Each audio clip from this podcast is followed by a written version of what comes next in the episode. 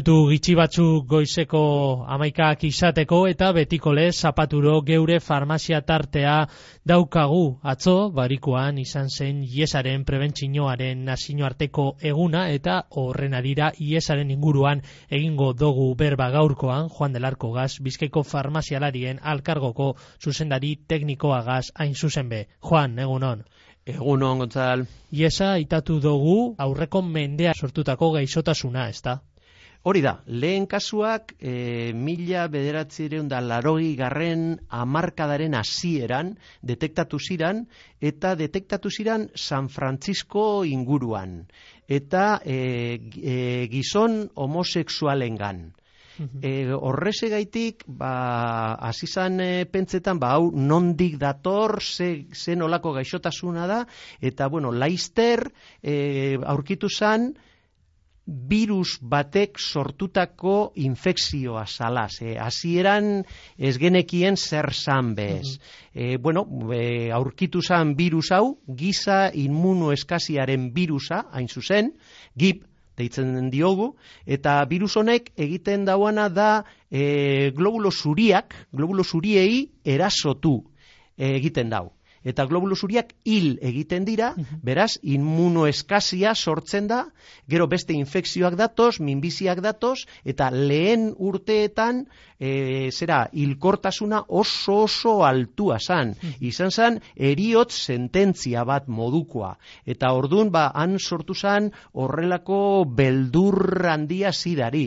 Eta horrezegaitik, ba, egon ziren, e, ba, bueno, ba, arazo sozial asko, esklusio soziala, eta horrela horrelako kasuak. Gaur egun, zorionez hori ja, ba, gainditu dugu, baina lehenengo urteak oso oso gogorrak izan ziren, e, zera, hilkortasun tasa oso oso handia salako. Beraz, denborak aurrera egina ala, ba, gaixotasunak bere garapena, euki dau, ez da, baita be gizartean be, eta konteguzu, zelako egoera, bizi da e, VIH-ak gaur egun.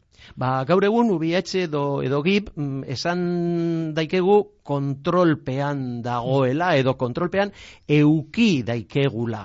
E, alde batetik e, tratamenduak e, daukagulako, e, tratamendua ez, ez dau e, osatzen, ez dau guztiz osatzen, hori bai e, esan behar da. Baina oso tratamendu eraginkorra e, da. Eta e, gaur egun gaixotasun kroniko bat bihurtu da. Mhm. Hau da, jendea ez da hiltzen harrapatzen badau e, zera iesa eta mm, bere bizitza eta bere bizitz kalitatea ba, ba, os ona izan daiteke, baina egon behar da tratamendu bean bere bizitz osoan. Ordun, gauzak aldatu dira, baina orain dino aurrerapenak egin behar dira.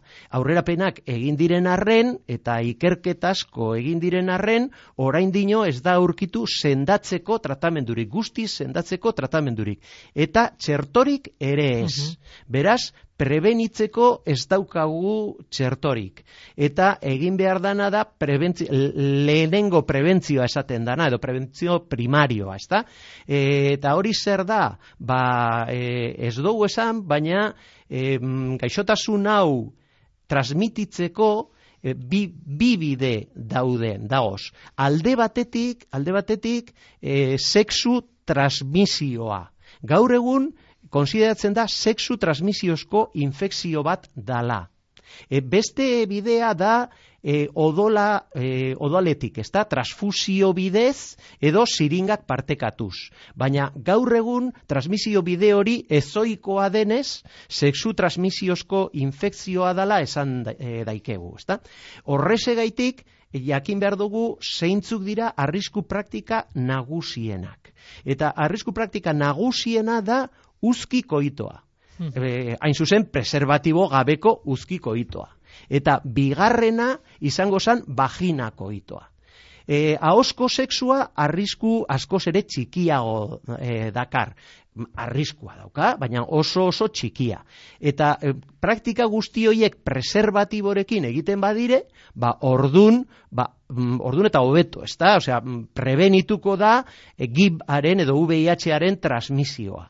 Mm Gotxone zagardu osasun zailburuak asteon emondako datuen arabera, gazteen euneko berrogeiak ez da preservatiborik erabiltzen, entzun, ointza saldu dozuna intzat hartuta, badatu arriskutsua, ez da? Bai, oso keskagarria, oso keskagarria, ze ez da bakarrik iesa, baizik eta sexu, sexu bidez transmisitzen diran beste gaixotasun ere badagoz, gonorrea, sifilia, eta gaur egun hemen, Bizkaian, Bilbon kasuak dagoz. Eta gero eta gehiago urtetik urtera igoten ari dira gaixotasun hoiek. Eta horretarako preservatibo erabili behar da. Prebenitzeko preservatibo erabili behar da. Zabaldu behar dugu, em, zera, ideia hau. E, preservatiboa da, oberen, oberen mm, babestuko dauana, e, zera, mm, gaixotasun hauek ez hartzeko. Kontuten hartu behar da, e, iaz, eun eta hogeita zazpi diagnostiko berri jakinarazi dira.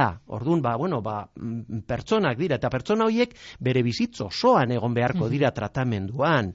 Hori suposatzen du, ba, bi, bere bizikalitatea, ba, bueno, ona izango da, baina egunero, egunero egon beharko dira medikamentuak hartzen. Eta gastua oso handia da. Joan den urtean, amazazpi milioi baino gehiago, gastatu ziren e, zera, e, iesa e, tratatzeko Euskadin bakarrik, eta hori guztie prebenitu dezakegu preservatiboa erabiltzen.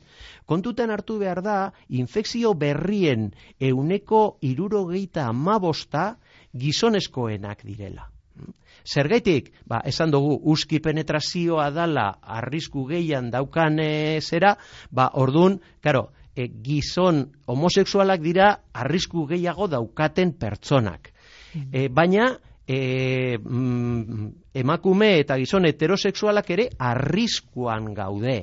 Ordun ba hori, infek, e, infekzioa saiesteko e, preservatiboa erabili. Hori da, zabaldu behar dugun mesua. Zeren eta tratatu daikegu, ja ez da antxineko iesa, baina tratamendua e, gogorra da, osea, egunero egunero egun behar gara medikamentuak hartzen. Mikrotik kanpo lehen komentau dugu aurreritzi mordoa dagoala gasotasun honen inguruan, dana dala farmaziara juteko aukerea dago testa egiteko modu anonimoan, ezta? Bai, ze oraindik e, lotzagarritzat jotzen den gaixotasun bat da, ezta? E, bueno, inokez luke inoiz lotzatu behar gaixotasun bat izateagatik, baina mm, gizakiak ala gara, ezta? Eta horrezegaitik farmazi batzutan test anonimoa egiten da Eta horrela, infekzio goiztiarrak detektatu daikegu. Oso importantea da goiz detektatzea, zeren eta horrela, tratamendua harinago hasi aldogu eta bizikalitatea hobea izango da. Ordun beste mezu bat zabaldu behar dugu, ezta? Arrisku praktika bat izan dauan edozein pertsonak, e, gibaren testa, VIH-aren testa egindagiala. Uh -huh. e, Prinzipioz, gomendazioa izango zan, ba, joan zaitez e, osasun zentrora, joan zaitez mediku gana, han esan zer egin dozun, zer gertatu dan, eta dana. Baina, e, lotza badaukazu, eta ez bazara usartzen, ba, medikuari esatea zer egin dozun, ez dakitzer badakit nor, ba, joan fa, e, farmazi batera, testa egiten dauan farmazi batera, han ez, ez dabe galdetuko zure izena, e, ba joan zaitez mm, zure iritik kanpoko farmazi batera, han ez zaitu ezagutuko, e, egingo dozu e, test bat, e, negatiboa emoten badau, ba, lasai gera zaitezke, eta positiboa emoten bada, ba, ordun bai, hor egongo da derivazio bat, kontsulta batera, baina ja hor tratamendua hasteko. Ze, mm, zera mm, importanteena, neurririk importanteena da tratamendu goiztiarra emon. ba, hortxe gomendioa. Mila esker betiko lez Juan eta datorren zapaturarte. Datorren zapaturarte bai.